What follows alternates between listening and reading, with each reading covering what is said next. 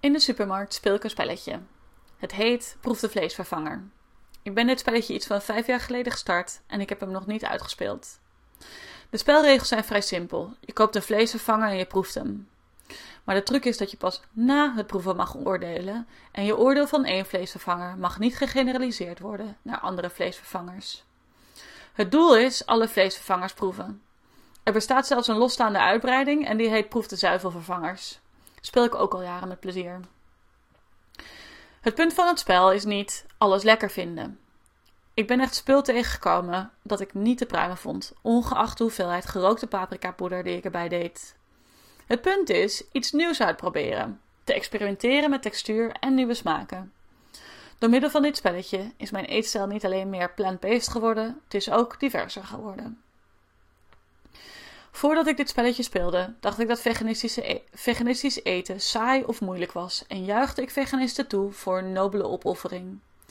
Al die eetgroepen uitsluiten, wat knap dat je je zo kunt inhouden en dat je nog maar zo weinig productsoorten eet. Maar na een paar maanden spelen besefte dat ik saai en moeilijk was. Niet alleen kwamen er telkens meer interessante en betaalbare plant-based zuivel- en vleesvervangers, ik ben ook veel meer gaan leren over eetbare planten. Zo las, ik dat in, zo las ik in een artikel van 2013, geschreven door Rappaport en Trouwsal, dat er naar schatting zo'n 16.000, 16.000 eetbare planten zijn. En daar kun je paddenstoelen nog bij optellen. Hoe is dat saai? Sterker nog, met zoveel soorten belooft proef de eetbare plant een heel lang potje te worden. Dit is deels omdat onze supermarkten de biodiversiteit van een tegeltuin aanbieden, maar ik hoop dat als er genoeg andere mensen dit spel ook oppikken, deze asymmetrie ook gecorrigeerd wordt. Gelukkig bestaan Token Jong en het internet.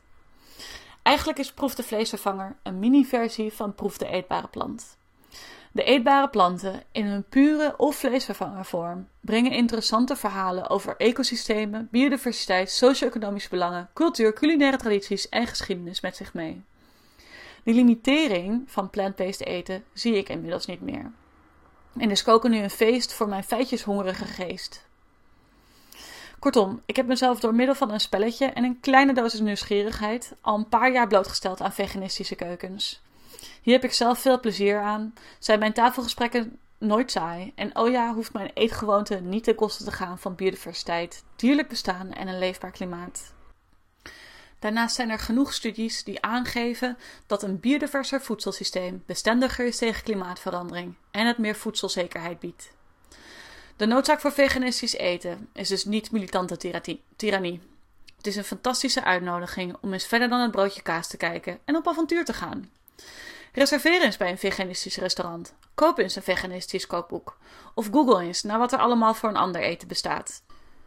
Of begin simpel. Speel eens, proef de vleesvervanger. Je smaakpapillen en de planeet gaan je bedanken.